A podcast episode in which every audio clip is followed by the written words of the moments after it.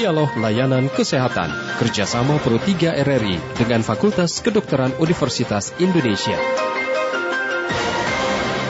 Tema yang akan kami bahas adalah deteksi boraks dan formalin dengan bahan bakar herbal untuk mendukung keamanan pangan di masa pandemi. Dan kami akan membahasnya bersama dengan Dr. Ade Arsianti MSI dari Departemen Kimia.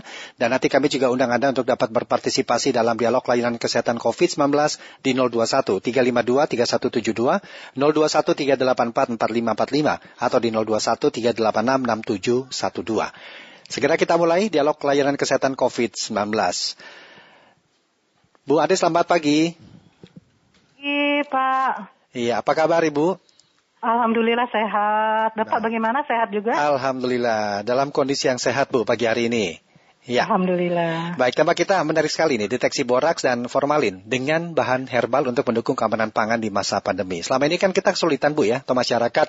Iya. Bagaimana iya. sih untuk mengetahui makanan yang kita konsumsi atau beli dari luar itu mengandung bahan yang berbahaya atau tidak? Sebenarnya iya. di awal mungkin bisa dijelaskan apa sebenarnya bahaya boraks dan formalin jika dicampurkan dengan makanan yang kita konsumsi, Bu. Ya, baik ya. Jadi uh, untuk mendeteksi borak dan formalin ya ini kita menggunakan bahan herbal. Nah, uh, uh, mengapa penting sekali kita uh, mengetahui ya bahan pangan yang biasa kita konsumsi itu mengandung borak atau formalin. Karena borak dan formalin ini kalau terkonsumsi yeah. ya terpapar ya masuk ke dalam tubuh kita itu bisa menimbulkan uh, dampak yang negatif bagi tubuh ya. Mm-hmm. Jadi seperti formalin kalau terkonsumsi ya dalam jumlah yang cukup besar ya uh, kadarnya ya masuk ke dalam tubuh itu bisa menyebabkan pusing, mual, kemudian muntah ya. Nah, kalau dalam kondisi misalnya kita uh, imunnya sedang lemah ya, mm-hmm. kemudian kita terpapar dengan formalin, maka akan berbahaya sekali ya. Jadi bisa nanti pingsan atau koma, bahkan kematian ya, yeah. kalau uh, jumlah yang masuk cukup banyak. Nah, kalau borak juga sama.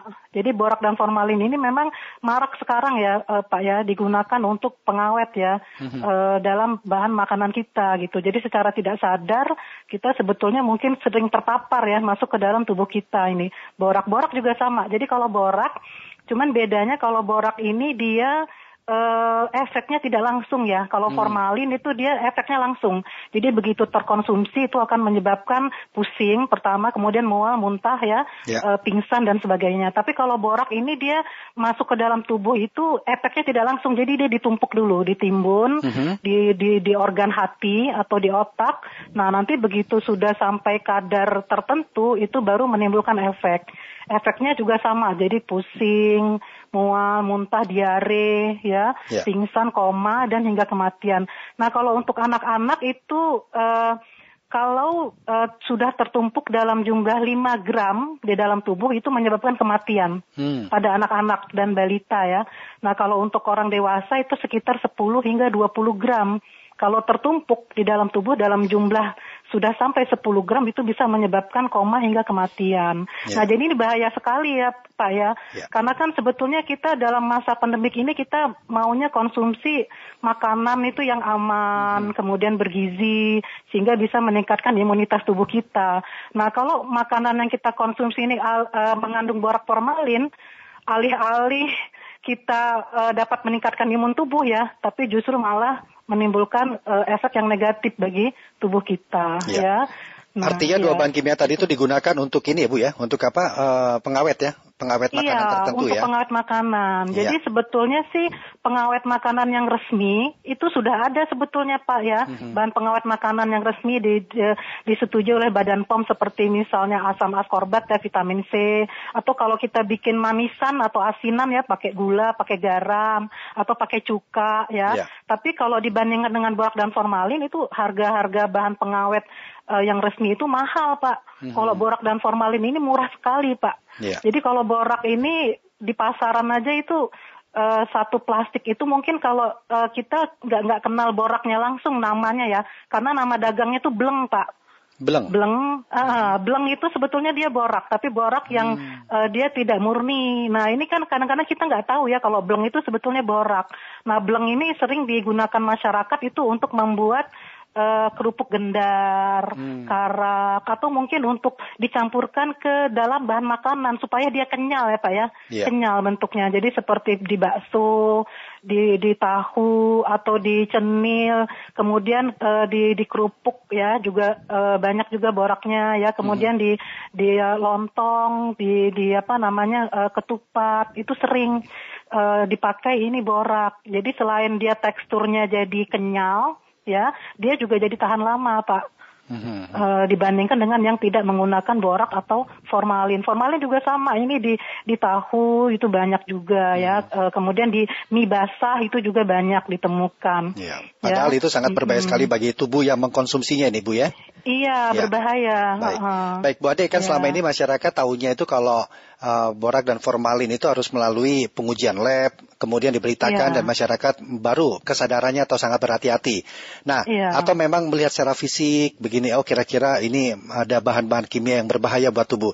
Dan apakah betul Bu, kita atau masyarakat itu bisa mendeteksi atau makanan yang kita beli dari luar sebelum dikonsumsi hmm. itu bisa diketahui apakah betul ini akan mengandung bahan-bahan yang berbahaya atau tidak. Tapi sebelum dijawab kita terima pendengar dulu ya Bu Ade ya.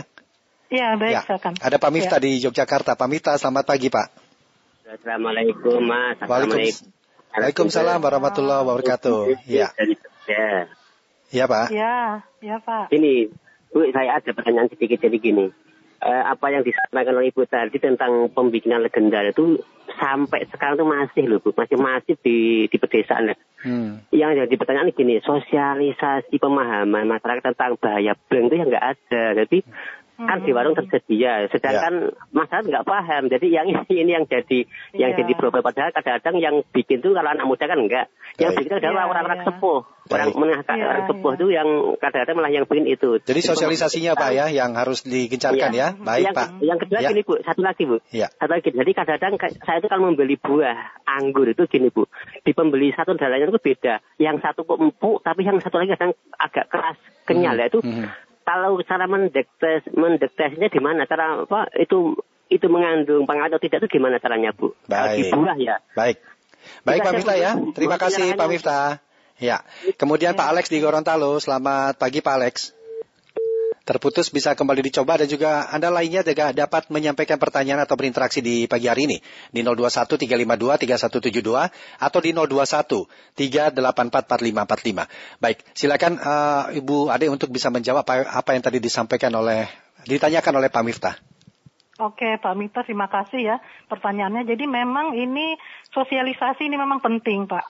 Ya, jadi memang uh, ini kalau kami di daerah di UI ya, karena saya uh, dari dari FKUI, jadi kami sebetulnya sudah ada program dari dua tahun yang lalu ya. Uh-huh. Itu untuk sosialisasinya itu kita mengadakan penyuluhan, Pak.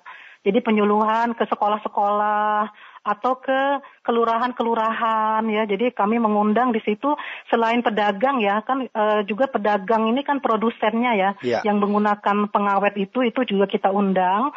E, jadi supaya sadar ya bahwa e, kalau bisa uh, membuat makanan itu jangan menggunakan pengawet yang berbahaya ya yeah. bagi tubuh kita. Jadi kita undang tuh pedagangnya, lalu kemudian uh, ibu-ibu ya kader-kader PKK kita undang ya. Nah uh, kemudian uh, masyarakat juga jadi ada wakil dari masyarakat kita undang ya uh, untuk menghadiri penyuluhan tersebut. Kita adakan sosialisasi di situ. Baik. Nah cuman mungkin sosialisasinya ini belum merata ya.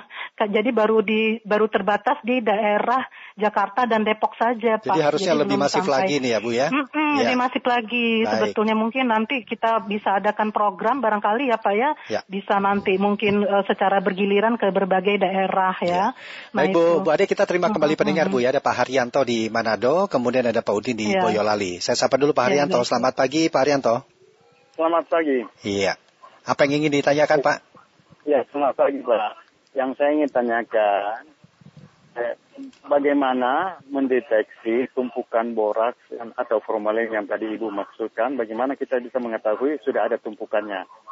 Kedua, bagaimana kita bisa mengetahui juga indikasi bahwa makanan itu mengandung formalin atau boraks. Mm-hmm. Karena sering saya seperti beli tahu atau tem atau sejenis gitu, apa bagaimana kita mendeteksi bahwa tahu ini nggak memakai bahan-bahan yang tersebut. Yeah. Yang ketiga, apakah boraks dan formalin itu bebas dijual di pasaran mm-hmm. gitu. Ya. Terima kasih Pak. Terima kasih Pak Rianto ya. Kita tabung dulu ya Bu Ade ya. Kita menuju ke Boyolali ada Pak Udin. Pak Udin selamat pagi. Pagi ya. Assalamualaikum. Waalaikumsalam warahmatullahi wabarakatuh. Silakan Pak Udin. Bapak Rodi, Bu Dr. Ade, Departemen Kimia. Uh, bagaimana caranya kalau uh, kita agar tahu kalau badan kita mengandung uh, borak uh, hmm. anggaplah habis makan bakso gitu habis itu gimana gimana gitu nah habis itu bagaimana cara uh, menetralisirkannya. Demikian terima kasih. Assalamualaikum ya. warahmatullahi wabarakatuh. Terima kasih. Waalaikumsalam warahmatullahi wabarakatuh. Ada tiga pertanyaan dari Pak Haryanto tadi Bu Ade dan juga satu pertanyaan dari Pak Udin. Silakan Bu. Ya baik ya. Jadi kalau mengetahui tertumpuk atau tidaknya, kan dia biasanya tertumpuknya di hati atau di otak ya kita uh, mestinya harus biopsi mengambilnya ya untuk tahu dia sudah tertumpuk di situ ya. Tapi uh, sebetulnya ya bahan apa pun yang berbahaya masuk ke dalam tubuh kita pertama akan dinetralisir sebetulnya. Jadi tubuh kita sendiri itu punya uh, suatu apa mekanisme ya untuk bisa menetralisir zat-zat racun yang masuk ke dalam tubuh. Hanya kalau jumlahnya berlebih, nah itu sudah tidak bisa dinetralisir oleh tubuh maka itu akan tertumpuk ya. Jadi kalau kalau misalnya uh, jumlahnya masih kecil mungkin tidak menimbulkan gejala ya uh, Pak ya. Tadi pertanyaan Bapak di Boyolali, tapi kalau sudah mulai uh, sering pusing, lalu kemudian mual, muntah setelah kita mengkonsumsi ya bahan makanan yang hmm. mengandung borak dan formalin, nah itu kemungkinan besar kita sudah uh, terpapar. Jadi sudah sudah mulai agak tinggi ya hmm. uh, konsentrasi dari borak dan formalin yang tertumpuk di dalam tubuh kita. Yeah. Lalu kemudian pertanyaan yang sama hmm. tadi ya dari Bapak di Boyolali, bagaimana cara mendeteksinya hmm. bahan makanan ya yang mengandung borak dan formalin itu tadi pakai ekstrak herbal, Pak. Jadi kita di sini memperkenalkan cara uh, pengujian borak dan formalin itu dengan secara mandiri ya. Jadi mhm. kita tidak tidak perlu ke lab dengan menggunakan ekstrak bunga. Jadi mungkin uh, kita kenal bunga yang namanya bunga ruelia atau ruela. Jadi bunganya ini sebetulnya berasal dari Amerika Selatan ya, daerah Meksiko, Karibia sana ya. Nah itu uh, dia sebetulnya uh, tanaman liar ya, ya. tanaman yeah. liar dan mudah sekali tumbuh. Warnanya itu ada tiga varian warna, jadi uh, warna ungu, warna uh, pink dan juga warna uh, putih. Hmm. Nah yang digunakan untuk pengujian itu yang warna ungunya. Nah, jadi kita ambil nanti 8 kuntum bunga ruelianya. 8 kuntum itu dia setara dengan 1 gram. Mm -hmm. Jadi kemudian kita gerus, kita gerus uh, uh, bunganya tadi 8 kuntum tadi, yeah. tambahkan air. Nah, nanti akan uh, terbentuk ekstrak bunga ruelia yang warnanya ungu. Mm -hmm. Nah, kemudian berikutnya kita teteskan ke bahan makanan yang mau kita ujikan. Jadi misalnya tahu tadi ya. Nah, tahunya kalau bisa sih kita hancurkan dulu ya dengan apa namanya cawan di dalam cawan dengan menggunakan cobek ya, bisa pakai cobek, ya. tambahkan air, kemudian air uh, kemudian kita saring ya, kita saring, kemudian kita teteskan tadi ekstrak bunganya. Nah, kalau si tahunya ini mengandung formalin, maka si ekstrak bunganya yang warna ungu tadi dia akan berubah menjadi uh, merah kecoklatan. Hmm, berubah Karena, warna Bu ya? Iya, ekstrak berubah warna. ya. Uh, ekstrak bunganya yang berubah warna Berapa karena si formalin uh, kalau uh, bahan makanan tadi yang mau diujikan bisa sekitar 5 5 sampai 7 tetes. Baik. Kalau bunga ekstrak bunga ruelianya sekitar 2 sampai 3 tetes. Kemudian 3 kita tetes. aduk ya. Ya, kita aduk ya. Kemudian kita lihat perubahan warnanya karena formalin ini dia uh, uh, pH-nya asam ya, sedikit asam ya. Mm -hmm. 5 sampai uh, 6 pH-nya derajat derajat keasamannya. Yeah. Nah, itu menyebabkan si ekstrak bunga ruelia ini yang mengandung senyawa kimia antosianin ya. Nah, itu dia berubah warna menjadi merah kecoklatan. Baik. Iya, pada su uh, suasana asam. Kalau the borak, ada boraknya, itu dia berubah warnanya kontras ya, Pak. Dari ungu dia menjadi hijau. Baik. Nah, jadi kalau ekstraknya berubah dari ungu menjadi hijau itu menandakan adanya borak di dalam makanan. Baik. Karena borak ya. itu pH-nya basah, pH ya. 10. Boleh kita terima ya. lagi pendengar Bu ya. Ada Pak Ardi ya, di ya. Jayapura. Selamat pagi Pak Ardi. Ya. Okay. Selamat pagi Mas Rudi. Iya. Assalamualaikum warahmatullahi wabarakatuh. Waalaikumsalam warahmatullahi wabarakatuh. Ya, saya ingin tanyakan uh, tentang ini uh, ikan yang di kaleng itu. Itu kan uh, pengawetnya itu hingga hingga bertahun-tahun. Sebenarnya aman nggak dikonsumsi ikan yang di kaleng itu? Demikian Bu. Makasih. Assalamualaikum ya. warahmatullahi wabarakatuh. Okay, Baik, terima kasih. Waalaikumsalam warahmatullahi wabarakatuh. Ikan ya. kemasan Bu yang suka dijual itu apakah aman tidak sih untuk dikonsumsi? Ikan kemasan yang di kaleng kan ya seperti misalnya apa ya sardin gitu yang mm -hmm. di kaleng ya. Mm -hmm. Kalau yang di kaleng itu dia uh, sebetulnya pengawetnya bukan borak dan formalin, tapi lebih ke asam nitrit ya, nitronya ya, ada nitronya di situ, makanya warnanya kemerahan. Nah ya. itu dia ada tanggal kadaluarsanya ya Pak ya, kadaluarsanya tanggal berapa. Jadi kalau lewat dari tanggal kadaluarsa bisa jadi sudah berbahaya kita konsumsi karena bahan pengawetnya mungkin sudah berubah, sudah terdekomposisi menjadi zat kimia lain ya. yang lebih berbahaya pertama. Nah, terus kedua, kemungkinan ada uh, mikroba atau bakteri yang memang dia bisa hidup ya walaupun dalam kondisi kaleng yang tertutup. Ya jadi ada beberapa bakteri yang yang sifatnya dia anaerob artinya dia bisa hidup walaupun tanpa adanya oksigen. Nah itu uh, dia bisa berkembang di situ kalau sudah lewat uh, dari waktu kadaluarsa. Jadi hmm. kalau yang makanan di kaleng itu sebaiknya memang uh, dikonsumsi sebelum lewat waktu kadaluarsa. Karena kalau sudah kadaluarsa kan dia nanti uh, tadi ya pengawetnya sudah berbahaya, ya. sudah berubah ya menjadi senyawa kimia yang berbahaya. Terus yang kedua tadi kalau kalengnya sudah menggembung, nah itu berarti sudah ada bakteri anaerob yang berkembang di situ. Baik. Jadi sudah tidak aman lagi kita konsumsi. Ya. Sebelum kita ya. akhiri, uh, dialog layanan kesehatan ini mungkin ada yang ingin disampaikan Ibu Ade kepada pendengar kita. Apa saja nih yang bisa dicatat penting menjadi catatan dari hasil perbincangan kita pagi hari ini? Iya, jadi uh, saya menghimbau ya kepada seluruh masyarakat ya untuk berhati-hati uh, mengkonsumsi bahan makanan ya karena seperti kita ketahui ini marak sekali nih uh, borak dan formalin ini ya digunakan untuk pengawet dalam bahan makanan yang tanpa kita sadari itu kita bisa uh, terpapar dan menyebabkan uh, efek yang negatif ya bagi tubuh kita. Ya, jadi sebaiknya memang sebelum kita konsumsi kita teliti dulu ya. Kita teliti dulu, kita periksa gitu apakah bahan makanan ini aman untuk dikonsumsi. Jadi selain tadi menggunakan ekstrak bunga, sebetulnya secara visual juga kita bisa ya Pak ya mendeteksi ya. ya. Jadi secara visual mungkin kita teliti dulu.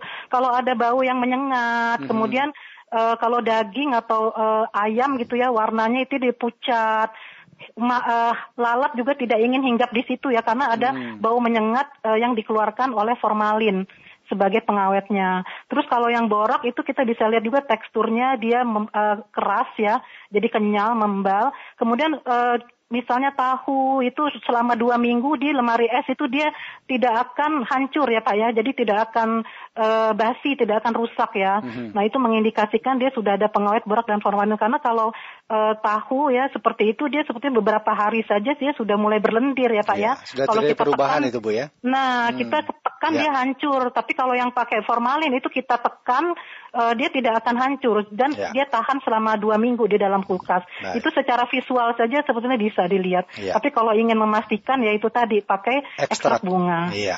Iya, ekstrak bunga ruelia. Ya, yang penting kita harus terus berhati-hati Bu ya dengan apa yang kita konsumsi untuk keamanan pangan iya. kita dan keluarga terutama di masa pandemi sekali uh, sekarang iya, ini. Baik betul. Bu Ade, terima kasih Bu sudah meluangkan waktu berbincang bersama Pro 3 RRI. Semoga bermanfaat buat kita semua. Selamat pagi. Iya, pagi. Terima kasih sama-sama. Ya.